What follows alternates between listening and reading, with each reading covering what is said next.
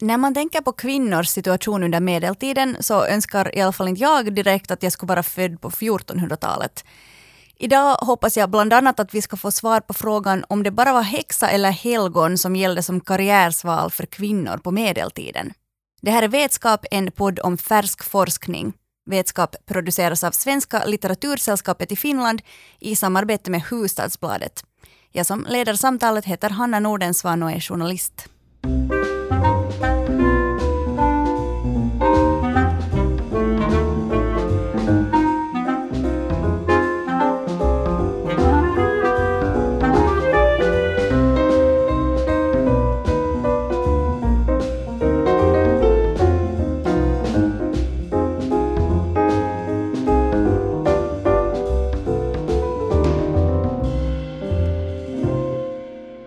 Och vi ska då som sagt prata om kvinnor under medeltiden. Vi lever ju i en tid nu där kvinnor världen över verkar både få mera och mindre rättigheter. Jag tänker på kvinnor i Saudiarabien som numera får köra bil. Och så tänker jag på kvinnor i Alabama som riskerar att mista sin rätt till abort. Men nu, de två forskarna som i takt till historiens vingslag idag ska snacka kvinnor med mig är historieforskarna Charlotte Cederbom från Helsingfors universitet och professor Marco Lamberg från Tammerfors universitet. Charlotte, kan vi börja med, alltså, det var ett tag sedan jag lärde mig det här i högstadiet, bara för säkerhets skull. Kan du definiera medeltiden? Ja, det är ju faktiskt en svårare fråga än vad man skulle tro. Men eh, pratar, pratar vi alltså. nu eh, nordisk eller svensk medeltid som ju både Mark och jag ändå fokuserar på så brukar man räkna kanske 1050 till 1520 ungefär. Kan du också nu när du ändå pratar kort presentera vad det är du har specialiserat dig i din forskning? Jag har specialiserat mig eh, på kvinnors rättsliga position, framförallt gifta kvinnors rättsliga position. Och eh, under medeltiden så hör det väldigt nära samband med eh, målsmanskapet eftersom att det står i lagen att alla kvinnor ska ha en målsman. Mm. Vi ska återkomma till målsmanslagarna snart, men Marco Lamberg först, kan du kort berätta vad din forskning går ut på? Uh, no, kort, kort sagt, uh, uh, senmedeltida och tidig modern social och kulturhistoria, här mestadels i, i en nordisk kontext. Sen skulle jag nu kunna fråga er båda innan vi riktigt sätter igång. Varför har ni valt att specialisera er just på medeltiden?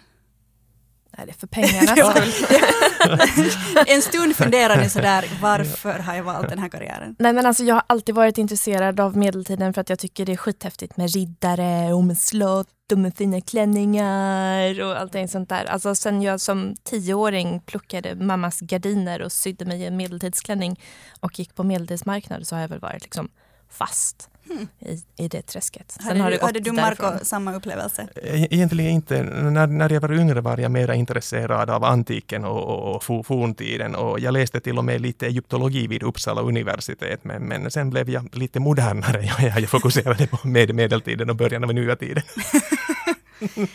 No, men vi dyker direkt in i medeltiden då. Uh, jag tänker, alltså vissa dagar så känns det på något sätt som att um, för en kvinna som jag, att saker liksom inte har förändrats och det går inte, rättigheterna går liksom inte framåt. Men sen andra dagar så känns det som att jämfört med förra året så är det stor skillnad.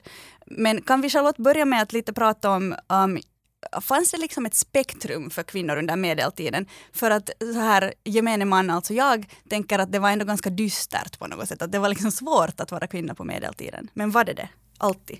Ja, men det är väl alltid svårt att vara människa, tänker jag mig. Eh, oavsett om man är man eller kvinna eller någonting eh, däremellan. Så, så finns det väl både ljuspunkter och eh, inte riktigt lika ljusa punkter.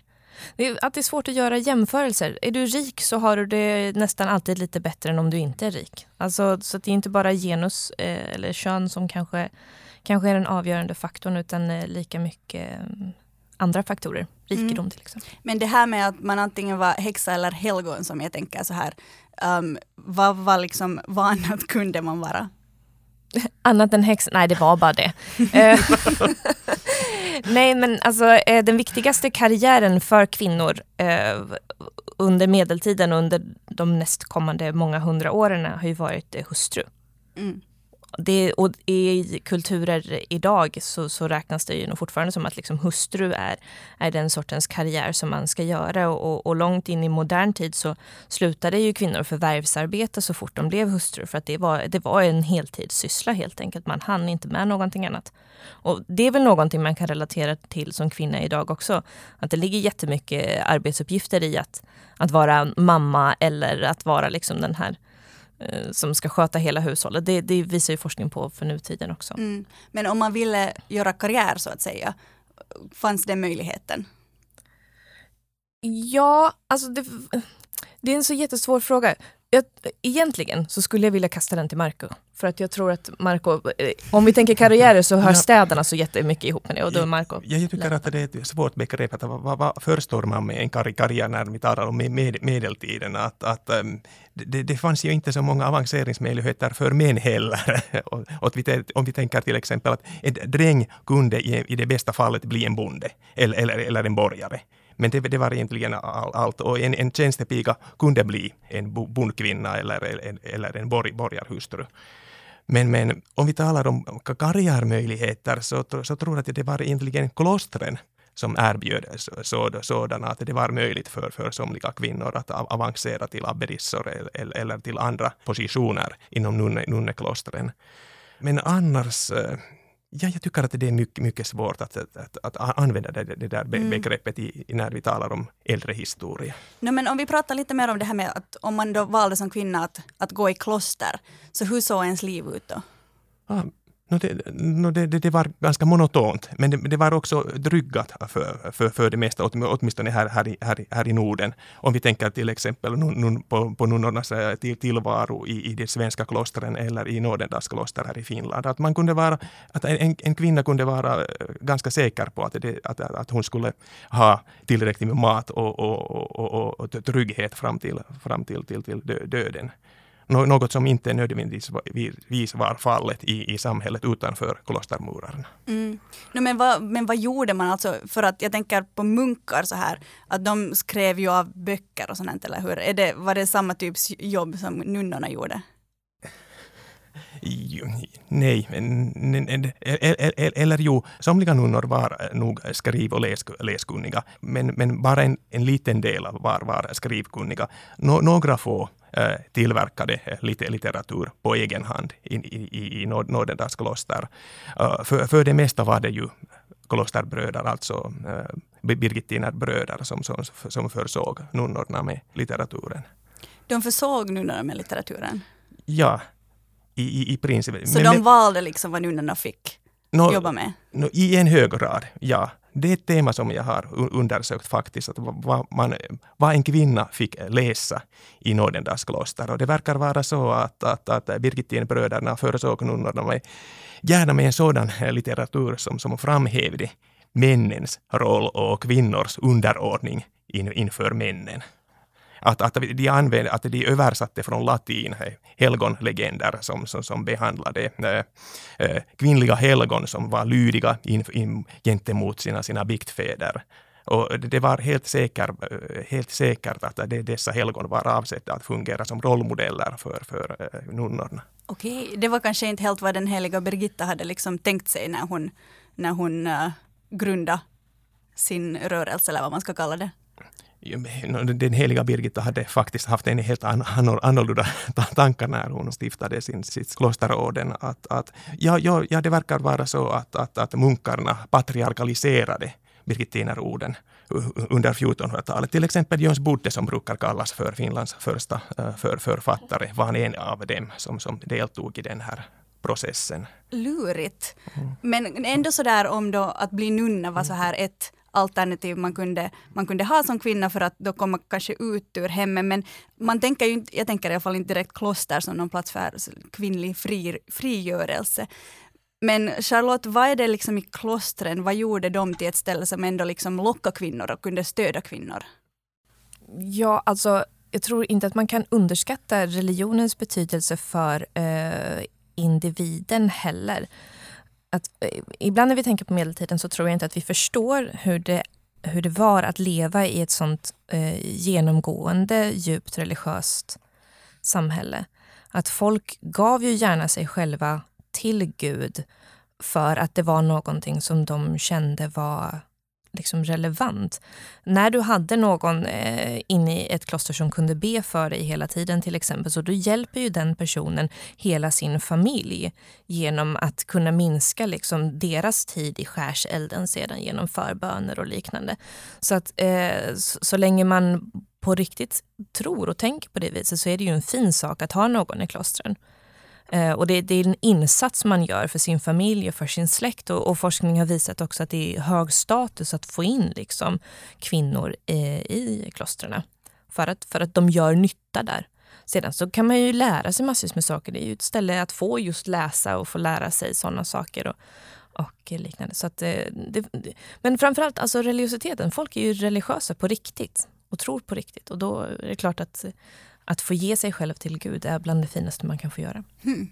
Men så kvinnors rättigheter ut annorlunda i ett kloster än utanför ett kloster? Allas rättigheter ser ju lite annorlunda ut beroende på vart de är och det är det som är så svårt. Man kan inte prata om kvinnor som en homogen grupp eh, på något vis. Därför att eh, det har att göra med så jättemånga olika andra faktorer än bara kön. Det har till exempel att göra med ålder jättemycket eh, med social klass eh, jättemycket. Eh, och också just var du befinner dig någonstans. Är du på staden eller, eh, eller är du i landsbygden? Till exempel så kvinnor i staden eh, ärvde lika med män medan kvinnor på landsbygden ärvde en tredjedel och männen två tredjedelar. Så till och med lagen skiljer liksom på stadskvinnor och eh, landsbygdskvinnor. Så att, eh, det, kvinnor det är inte en homogen grupp då eh, eller nu. Så, du, okay, så det handlar alltså mer om klass än om kön? Ibland. Kan man kanske sammanfatta det? Det, det är faktorer som samverkar hela tiden. Precis. Och, och Marco, i din forskning, så du har bland annat kommit fram till att rådmän i Stockholm, enligt vad jag, vad jag har läst, uh, citat, gjorde en poäng av att undvika fysisk kontakt med fallna kvinnor, slutcitat. Och ja, det här betyder prostituerade då. Ja. Um, kan du prata lite om hur liksom, olika kvinnor från olika samhällsklasser vad hade de för, hur, hur såg de ut inför lagens ögon? No, no, om vi talar om fallna kvinnor, alltså, alltså prostituerade, så, så, så, var det ju förbjudet för dem att, att bära, bära pälsverk och, och dyra, dyra kläder och, och, och, smycken. Det var förbjudet i lag för dem att bära päls? Ah, nu, nu, nu måste jag erkänna att jag inte är säker på om det. Jag orkar inte komma ihåg om, komma ihåg om detta omnämns i den medeltida statslagen eller om det var någonting som, som ingick i, i, i, den, eh, kompletterande, i de kompletterande kommunala eh, ordningsföreskrifterna som, som, som, som eh, kom till i Stockholm under medeltiden. E, eftersom statslagen innehöll ju luckor och, och lagen kompletterades med, med sådana, sådana före, föreskrifter som, som, som sen lästes högt för, för, för men, menigheter åtminstone en gång om året. Och, och, åtminstone där förbjuds fallna kvinnor från att ha sådana sådana alltså dyra kläder och smycken och, och, så, och, så, och så vidare. Och, och, det, och, det, och det var mycket viktigt eftersom eh, alltså klädseln var mycket viktig i den, i, i den medeltida verkligheten eftersom eh, en persons eh, status eh, skulle uppvisas gentemot de andra också genom klädseln. Alltså en, en, en fattig, okej en fattig människa kanske inte ens hade råd med att, att, att klä, sig dyrt, men, men, men, men det var i princip också, också förbjudet att, att, att göra så. Det, det, det var, liksom, det, det, var alltså helt annorlunda idag eftersom vi, vi får ju i princip klä oss hur vi vill. Mm, ja, på vissa ställen i alla fall. Ja. Men, men okej, okay, förutom kläder, uh, vad annat var liksom, hade, hade en prostituerad då till exempel alltså samma rätt Um, du pratar Charlotte om att arvsrätten, alltså att en kvinna i staden hade rätt att ärva medan en på landsbygden inte hade det. Ja, de har rätt att ärva men de ärver inte. Det är en ojämn arvsfördelning på landsbygden. Så ifall eh, ett par har en son och en dotter så ärver sonen två tredjedelar och dottern en tredjedel. Och det här går vidare liksom i, eh, i alla sidor på kvinnans sida av släkten så ärvs det i tredjedelar och på mannens sida i släkten så ärvs det i två tredjedelar. Just det. Okej, okay. och förutom och fanns det andra, och arvkläder, vad, vad finns det annat som var olika för olika kvinnor? Eller för olika människor antar jag? Alltså, jag skulle vilja säga allt. Därför att Därför att den största skillnaden kanske, med, som Marco säger idag, att man får ju klä sig som man vill idag. Och det är ju i princip sant.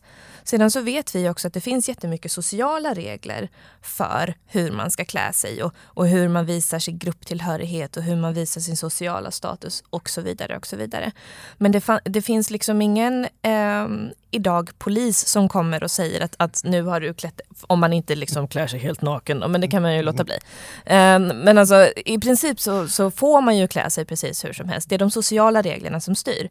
Medan under medeltiden så finns det inte ens liksom den här tanken om att man ska få klä sig som man vill. Eller man ska få förverkliga sig själv. Det finns ingen individualism än på medeltiden. Ehm, som till exempel med de här böckerna Eh, som, som kopieras och skrivs. Att ofta så skriver inte den som har kopierat eller som har skapat en bok ens sitt eget namn på. Det är någonting som, som kommer nästan med renässansen sedan, att man, att man liksom eh, undertecknar vad man har, har gjort för någonting. Så den här tanken om att man är en individ som på något vis ska få förverkliga sig själv och få, få göra saker. Den finns liksom inte under medeltiden, grovt förenklat, på, på det viset som den gör idag. När man, när man känner att man har liksom en rättighet att sluta sitt jobb för att man egentligen drömmer om att odla fjärilar. Jag vill gärna till, tillägga om vi fortsätter med fallna kvinnor och, och eh, sexualmoralen i allmän, allmänhet under medeltiden, att, att fallna kvinnor kunde för, förlora sin rätt att, att, eh, stanna, att få eh, bli kvar i, i, i lokalgemenskapen. Att, att, att hustrur som begick äktenskap, äktenskapsbrott kunde förvisas från staden. Sådant hände, hände ibland. Och, och, och ibland förvisades också prostituerade att, att det, jag tror att det var vida mer sällsynt att män förvisades. I, i, sånt hände ibland till, till exempel en, en, en son som, som uh, uppträdde sig, som hade uppträtt sig uh, upproriskt gentemot sina föräldrar kunde, kunde tvingas uh, till, till pilgrimsfärd till, till Santiago de Compostela. Oh. Men, men, men det, Jobbigt det, det att vara tonåring på medeltiden. no, no, jag tror att han var en vuxen man vid, vid det laget, men, men sånt var mycket, mycket exceptionellt. Okej, okay, så om man förvisades som kvinna, vart, vart måste man då ta vägen? No, det är en bra fråga. Det, det vet vi inte vad, vad, det, vad, vad det gjorde. Och vi, vi, vi, och det, vi vet om en hustru som, som försökte, eller, eller hon kom tillbaka till Stockholm och förvisades igen. Ja, och i princip så ska ju straffen bli starkare för varje gång som man kniper dem i samma stad igen.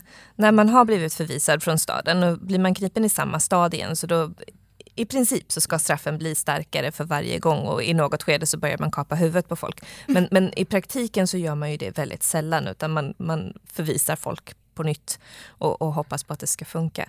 Men eh, en ensam kvinna har ju inte mycket på landsbygden att, eh, att skaffa. Nej, nej, nej, nej.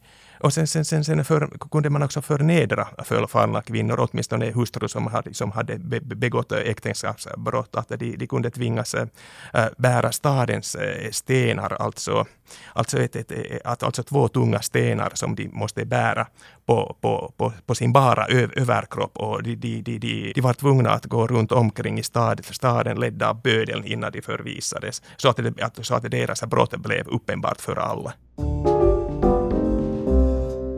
Men det här med skam, det är ju en, ett, ett intressant sätt att straffa. Det är ju ingenting vi sysslar med på det sättet mer annat än som du sa Charlotte, liksom det här med att nu finns sociala regler och, och socialt används ju stra, äh, skam som straff på något sätt. Men var det bara liksom kvinnor som så här på något sätt skammades? Det, männen behövde inte gå nakna genom stan. Nej, eller, eller, eller i princip, jo, det, det, det, står i statslagen att, att en, en man som hade begått äktenskapsbrott ö, kunde underkastas en, en lika förnedrande procession, att han, han skulle ledas med hjälp av en, en, en, ett snöre som hade, som hade blivit fäst vid, vid hans manslem. ledas? Leda, led, ledas genom stan? Ja. Och på så sätt. Alltså i, pri, i, i princip naken. Det låter nog men men vi, vi, vi, när, vi, när, vi tänker på, eh, när vi tänker på källor som berättar om hur, hur lagen äh, tillämpades i praktiken, finns det inga som helst antydningar om att, att sådant någonsin blev tillämpat. Så det var mer som ett hot? Ja, mm. åtminstone under senmedeltiden. Precis. No, men på tal om män. Um, det är ju främst män som liksom skrev historieböckerna och, och historien, uh, rätta mig om jag har fel, är väl på något sätt väldigt mycket skriven um, ur mannens perspektiv. Hur påverkar det här vad vi liksom då faktiskt vet om kvinnor och, och hur de levde och tänkte? Det påverkar ju väldigt mycket på det viset att eh, det är först eh, på senare tid, ska säga de senaste 70 åren kanske, som man på riktigt har börjat eh, lyfta fram kvinnor. Först som, som kvinnohistoria där man fyller i alla de luckorna som finns när man inte har forskat i kvinnor alls.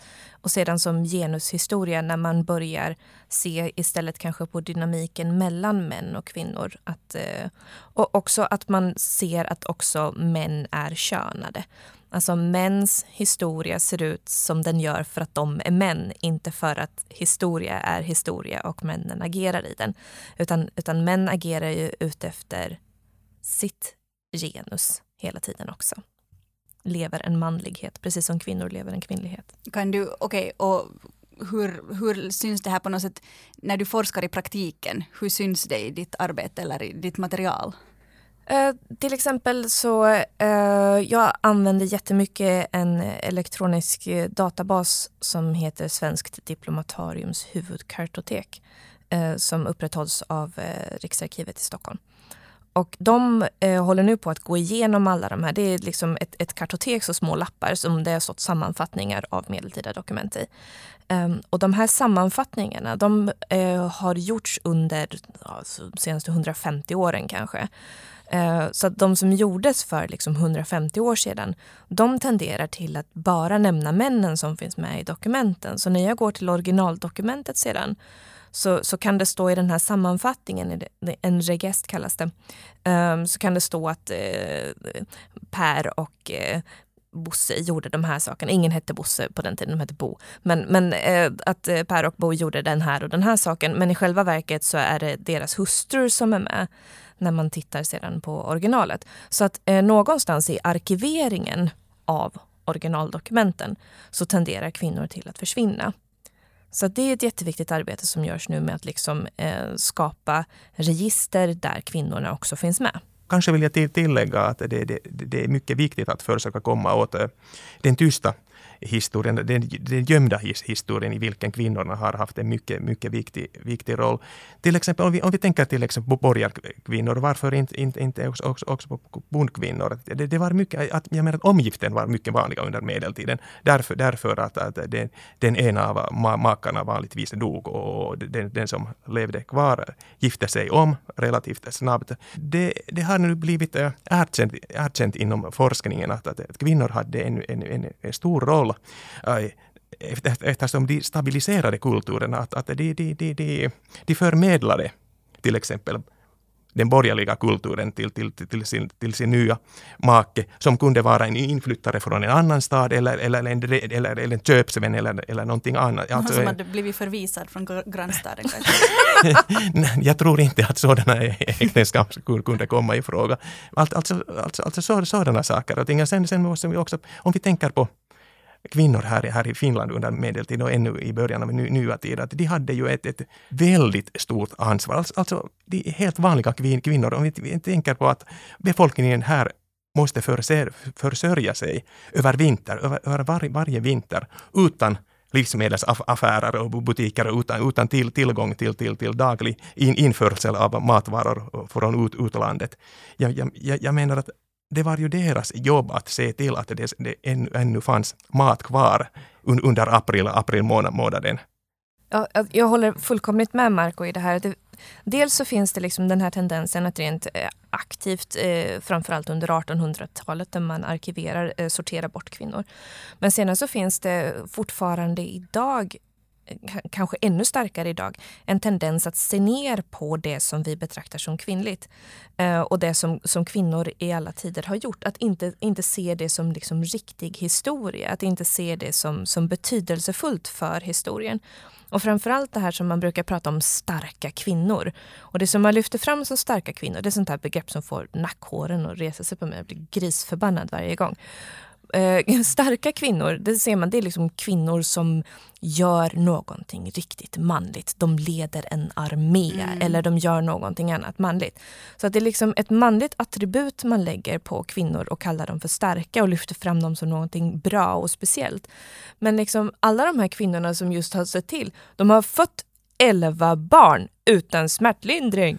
Och sedan så finns det fortfarande mat kvar i april mm. efter en skitig lång vinter. Mm. Alltså snacka starka kvinnor som tvättar för dessa elva barn och ett helt hushåll utan att det finns liksom rinnande vatten någonstans.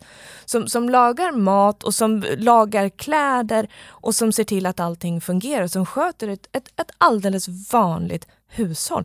Det är skitstarka kvinnor. Och jag, jag blir mycket provocerad över att man ska behöva bete sig som en man för att få lyftas fram och få de här positiva attributen. Att man ska, måste leda en armé. Ja, men precis. Leda sin armé av elva barn liksom, genom en krisig vinter. Det är en stark kvinna. Men de här kvinnorna då ändå um, var ju liksom enligt lagen under sina män, alltså målsmanslagar, det som du har uh, specialiserat dig på Charlotte. Va, kort, vad är en målsmanslag? Det är ett begrepp som du har hittat på.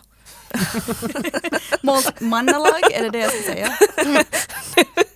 det finns, eh, I lagen så finns det en, en paragraf eh, i äktenskapsbalken om att mannen ska vara hustruns målsman när de har gift sig och spenderat en natt tillsammans och liksom bekräftat sitt äktenskap på det viset. Och då står det att då är han hennes rätta målsman och han ska söka och svara för henne. Det vill säga han är rättsligt ansvarig för henne. Precis. Och, och när togs då den här paragrafen i bruk? Just den paragrafen kommer med den eh, allmänna rikslagen 1350. Den paragrafen finns inte innan dess. Eh, men eh, trådarna till den paragrafen kommer från Östgötalagen, alltså den lagen som har använts i Östergötland i Sverige, som var ett av de södra landskapen. Det är fortfarande ett av de södra landskapen i Sverige. Eh, och den finns alltså inte i någon av de andra landskapens lagar. Innan 1350 så hade varje i princip landskap sin egen lag. Eh, och Finland rådde under Hälsingelagen som, som täckte liksom in norra Sverige och Finland. Och I Hälsingelagen till exempel så finns det ingenting om någon målsman alls. Det nämns inte. Och i äktenskapsbalken så står det ingenstans att mannen ska vara kvinnans eh, målsman eller överhuvud eller någonting liknande. Det betyder förstås inte att de är jämställda. Det betyder bara att liksom det här begreppet och det här konceptet inte, inte fanns på det viset där. Utan det är någonting som kommer från, från Östergötlands lag eh, in i rikslagen som man skapar på 1350-talet. Okej, okay, och varför fanns det så stora regionala skillnader då? Det är jättesvårt att säga. Eh, jag har inte forskat, alltså min, min avhandling som, som tar fram just de här regionala skillnaderna eh, börjar i princip med rikslagen 1350. Så att hur det ser ut eh, innan det och exakt vad de skillnaderna beror på, det tror jag är för framtida forskning att, mm. att säga. Um, en, en kvalificerad gissning är att det har att göra med eh, närheten till Danmark och danska inflytanden, tyska inflytanden och så vidare.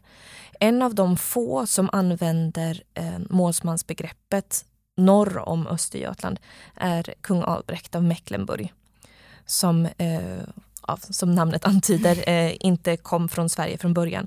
Så att han har helt tydligt det, eh, ett sånt liksom tänkande med sig.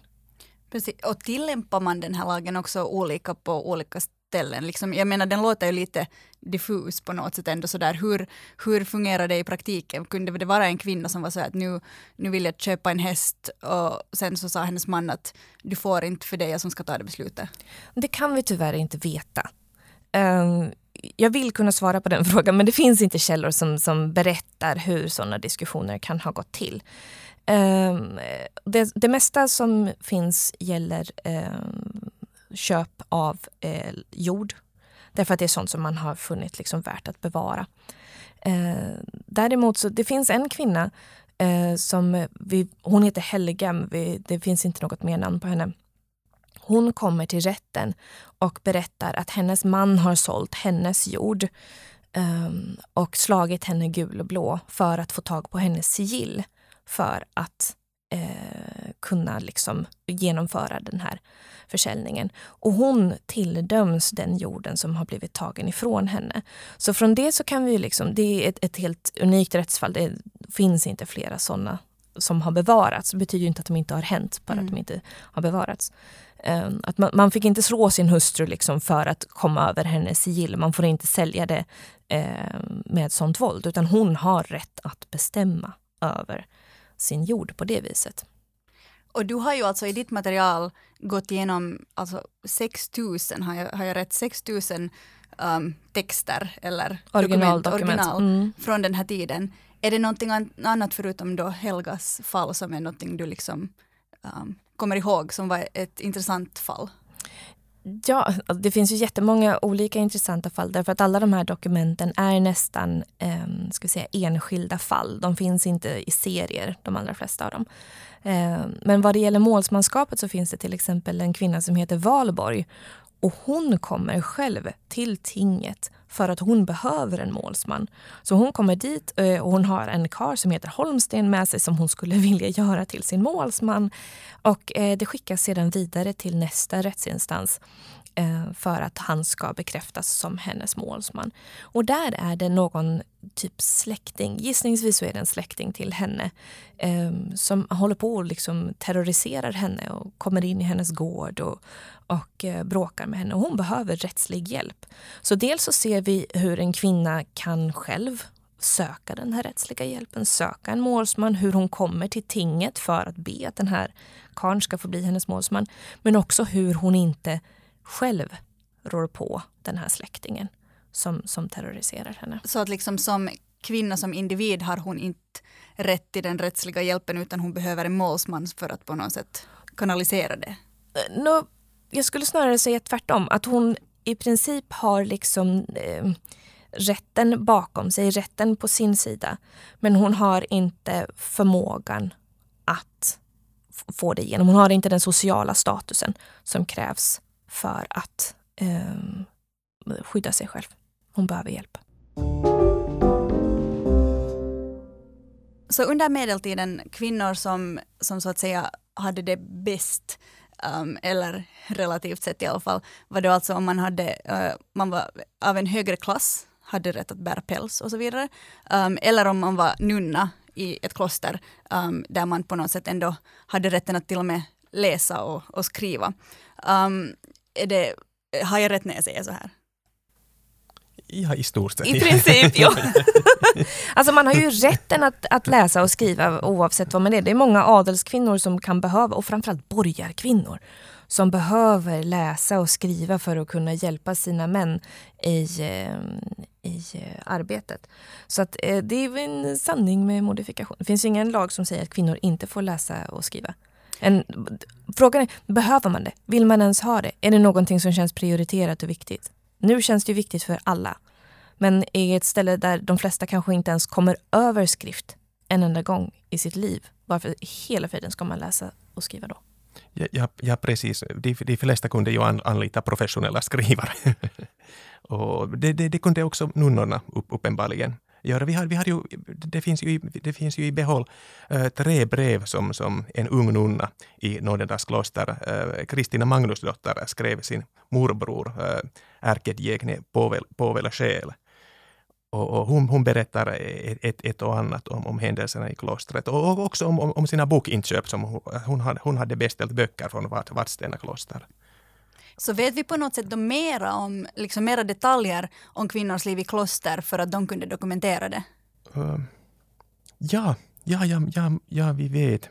Eh, en hel del, eh, den heliga Birgittas klosterregel är ju i behåll, också de kompletterande föreskrifterna är i, i behåll. Och det, det, finns också intressant korrespondens mellan Nånedas kloster och Vadstena kloster. Jag talar nu om Birgittinklostren som jag, har, själv, som jag själv har undersökt. Och det, har, det, det har till och med framgått att, att nunnorna, i, åtminstone i Birgittinklostren, kunde rösta när det, när det gällde att, att välja äh, äh, abbedissor eller, eller eh, när det gällde att välja generalkonfessorer, alltså ledare för eh, brödernas eh, konvent. Birgittinklostren var, in, var indelade i två konvent, nunnornas konvent och brödernas konvent. Och, och abbedissan ledde systrarnas konvent och i princip också hela klostret och generalkonfessorn ledde brödernas, brödernas konvent. Och det finns ett brev som skickades till, till som skickades från Vadstena kloster till Nådendal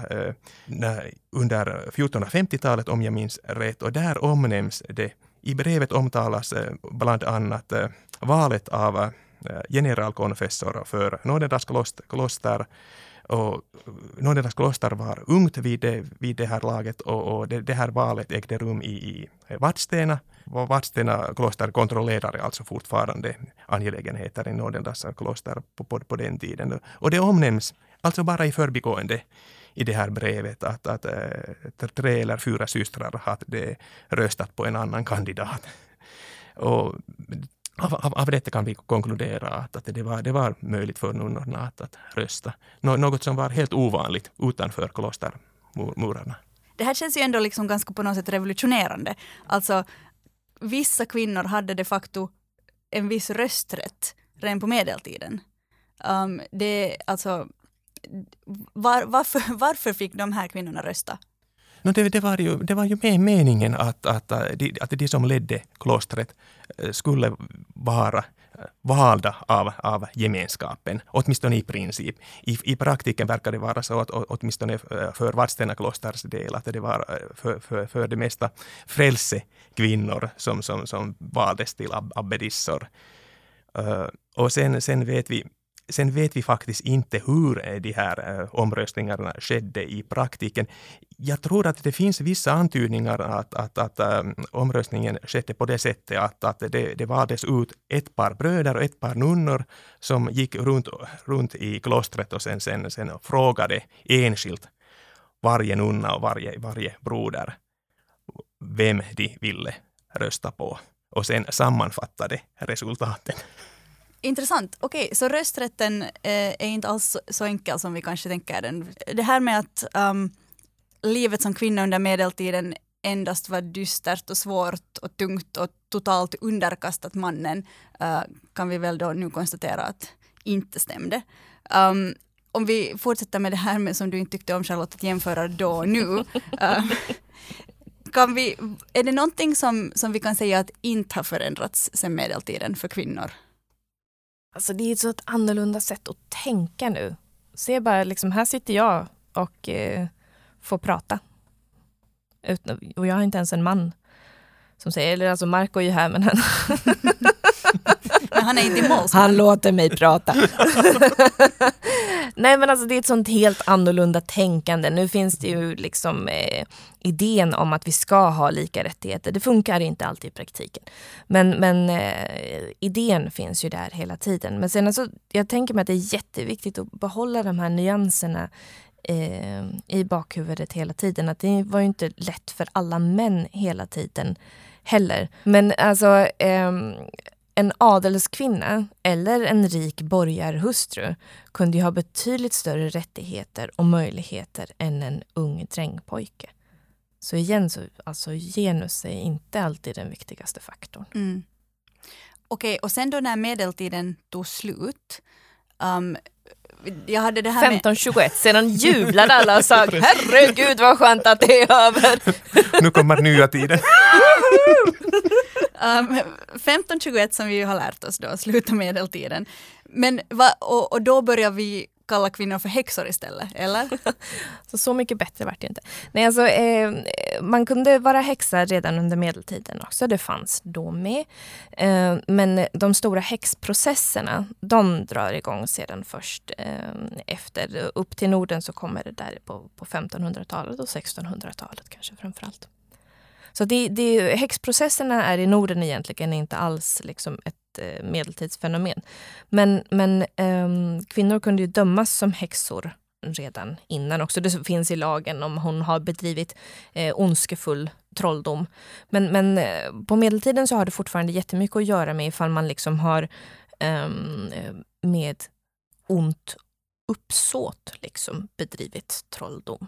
Så då, det är uppsåt är en, en viktig sak. Och ifall man har gjort saker i lönndom, om han har försökt dölja saker, så är det alltid väldigt suspekt också det medeltida rättsliga samhället eh, arbetar jättemycket med, med öppenhet. Så det som, det som sker i, i öppenhet, det som sker öppet på kyrkbacken, öppet på tinget, öppet någonstans, eh, det har en betydligt högre trovärdighet och är liksom viktigare än det som sker i lönndom. Att har, man, har man mördat någon och försökt gömma kroppen så är det alltid värre än ifall man har hamnat i bråk och man har råkat slå ihjäl någon. Mm. Det tar ju tillbaka också till det här med att skam på något sätt uh, kunde användas som ett straff. Mm, alltså att öppet skamma folk. Mm. mm. Men, men män, nu går det här liksom vidare då från medeltiden lite för mycket för jag förstår att ni sätter stopp vid 1521. Men om vi, om vi tillåter, tillåter oss själva att, att gissa lite eller ponera um, så skulle ni säga att, att det blev liksom uh, sämre för kvinnor efter det eller, eller sen det, det går bara ut för därifrån. Ja, alltså. ja, dess, Från 1521 rakt neråt. ah, det, det, det, är ju ganska svårt att äh, säga att vad reformationen som ägde, rum under 1500-talet betydde äh, för, för kvinnor. Äh, man, man ser åtminstone för Malmös del, som, som, som egentligen var en dansk stad under början av 1500-talet, att det inledde en, en kortvarig period för befrielse, att, att kvinnor kunde sen yrka på skilsmässor och också, de kunde också beviljas skilsmässor.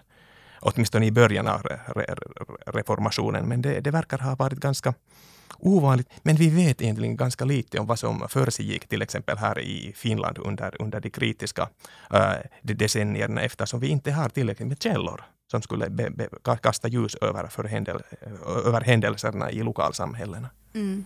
Eh, det man kan göra är ju att säga liksom väldigt grovt hackat generellt att, att saker som protestantismen till exempel som inte erkänner kloster stänger en jätte, jätteviktig eh, möjlighet till utbildning för kvinnor, utbildning och karriär. Eh, och vi vet också att eh, de lutherska tankarna om eh, husfadern är en sån sak som påverkar dynamiken i familjen på en del ställen också. Men eh, men hur det skulle ha sett ut precis i Finland och vilka förändringar det kan ha gjort, det, det är nog jättesvårt att säga.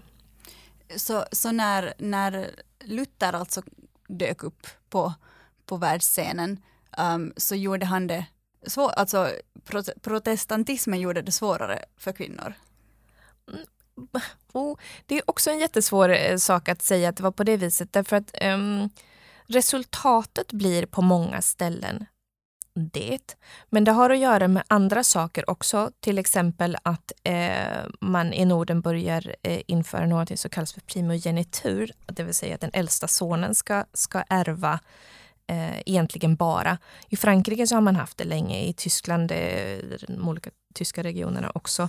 Eh, men till Norden så kommer det liksom eh, där i slutet av 1400-talet och början av 1500-talet. Och då börjar den äldsta sonen ärva. Och då börjar man räkna släktskap genom faderns linje bara. Under medeltiden så räknar man fortfarande det som kallas bilateralt, alltså både genom mammas och pappas linje så, så räknar man sin släkt.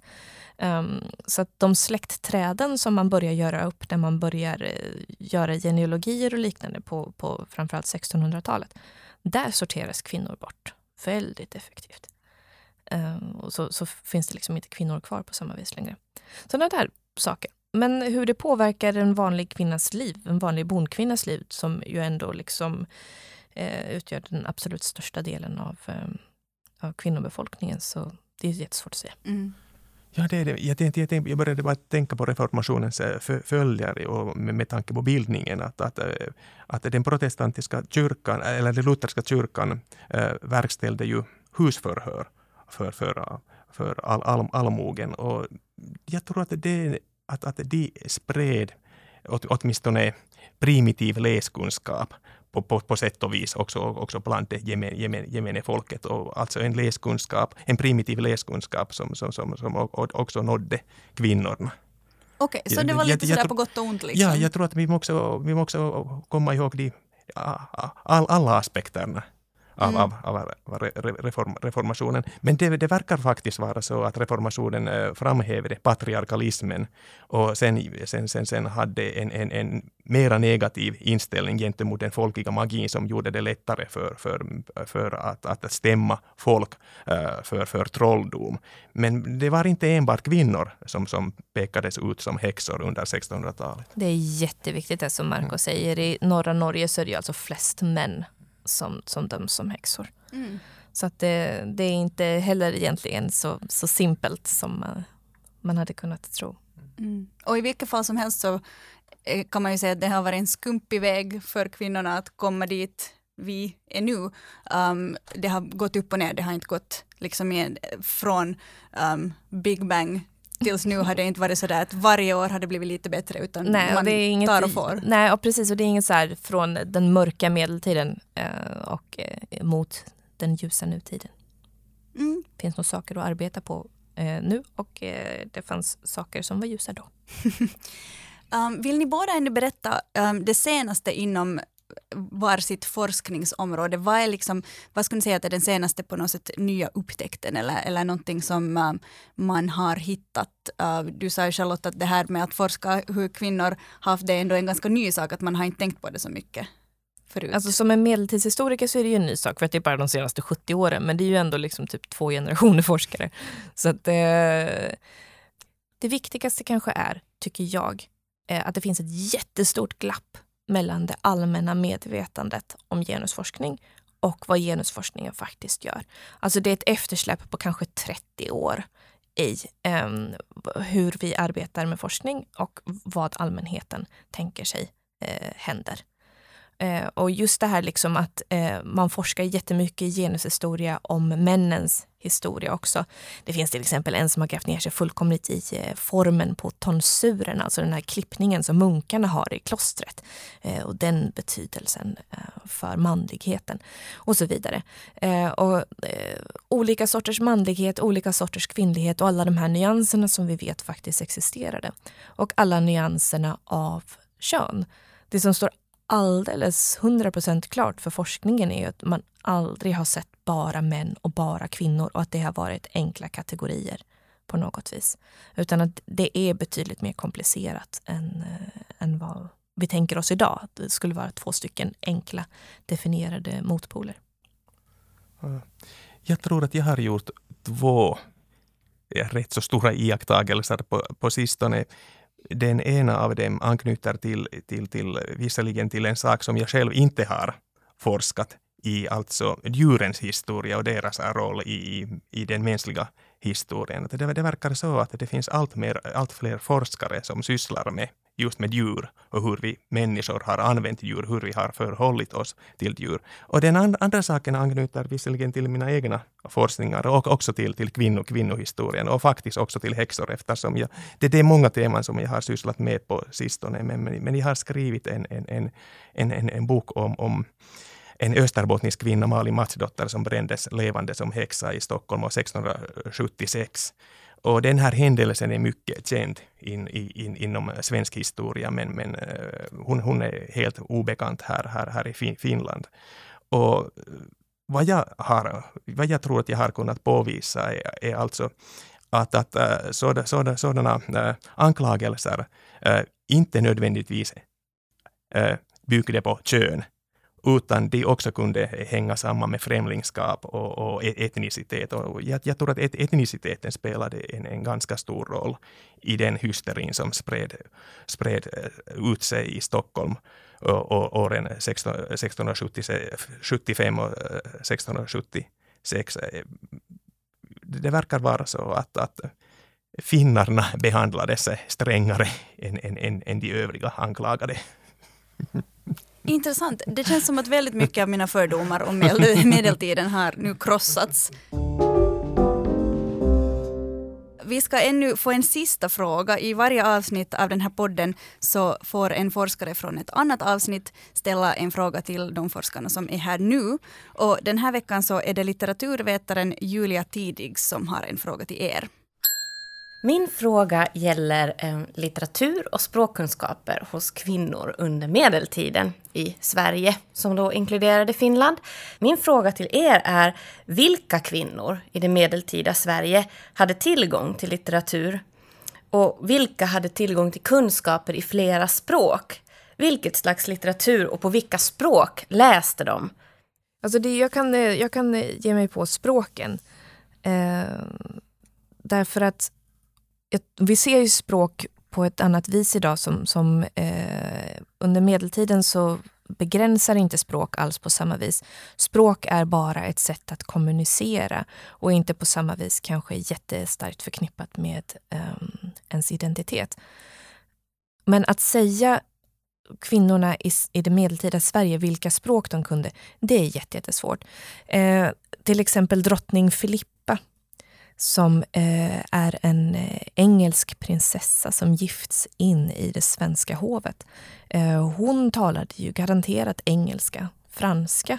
Hon kom hit, fick förmodligen lära sig svenska. Säkerligen behövde hon kunna danska eh, och eh, andra former av, av nordiska språk. Men inte ens en sådan jättekänd person som drottning Filippa kan man liksom säga hur hon lärde sig språken. Vi vet att hon läste, vi vet att hon fick med sig böcker när hon kom. Um, och vi vet att hon liksom fick med sig um, uh, kvinnor från från Sverige som säkerligen kunde svenska som, som eh, undervisade henne och som pratade med henne. Eh, latin är ju annars ett, ett lingua franca som alla under eh, medeltiden ur de högre eh, samhällsklasserna. Också kvinnor? Säkert. Också kvinnor eh, kunde säkert. Det är ju de lärda språk men, men eh, särskilt eh, nunnor till exempel har nog kunnat i viss mån eh, latin. Eh, I Sverige så är det jättesvårt att säga. Jag vet inte, Marco har säkert mer information om det. Men, men eh, latinet i Sverige bland kvinnorna, det är jättesvårt att säga. I Frankrike så vet jag att det har förekommit i alla fall. Ja, jag tror inte att det var särskilt många kvinnor, och inte ens i klostren, som, kunde, eh, som, som förstod latin. Det framgår nämligen av Jöns Budde som översatte en hel del litteratur från latin till, till svenska, har motiverat en av sina översättningar så att han, han ville översätta den här boken därför att dess innehåll skulle bli begriplig, begripligt för, för, för vad det, nunnor och lekmän och andra som inte förstår latin. Så, så ungefär så skriver han. Så av den formuleringen vet vi att det fanns en hel del olatinkunniga nunnor. Men i allmänhet hade ju nunnorna de bästa möjligheterna till, till, äh, till tillgång till litteraturen, i, om vi talar äh, litteratur i bokformat.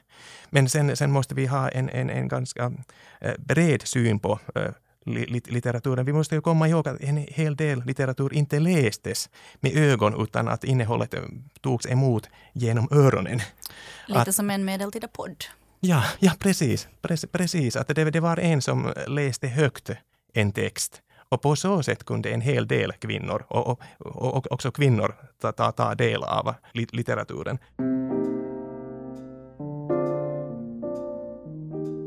Har lyssnat på ett avsnitt av podden Vetskap. Mitt namn är Hanna Nordensvan och gäster här idag var historieforskarna Charlotte Cederbom och Marco Lamberg. Tack för att ni var här. Producent för podden är Nina Edgren Henriksson och ansvarig redaktör är Marika McLean.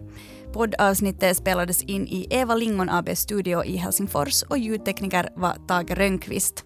Vetskap produceras av Svenska litteratursällskapet som är en av de stora forskningsfinansiärerna inom humaniora och samhällsvetenskaper i Finland och av Hufvudstadsbladet som är Finlands största dagstidning på svenska. Tack för din uppmärksamhet.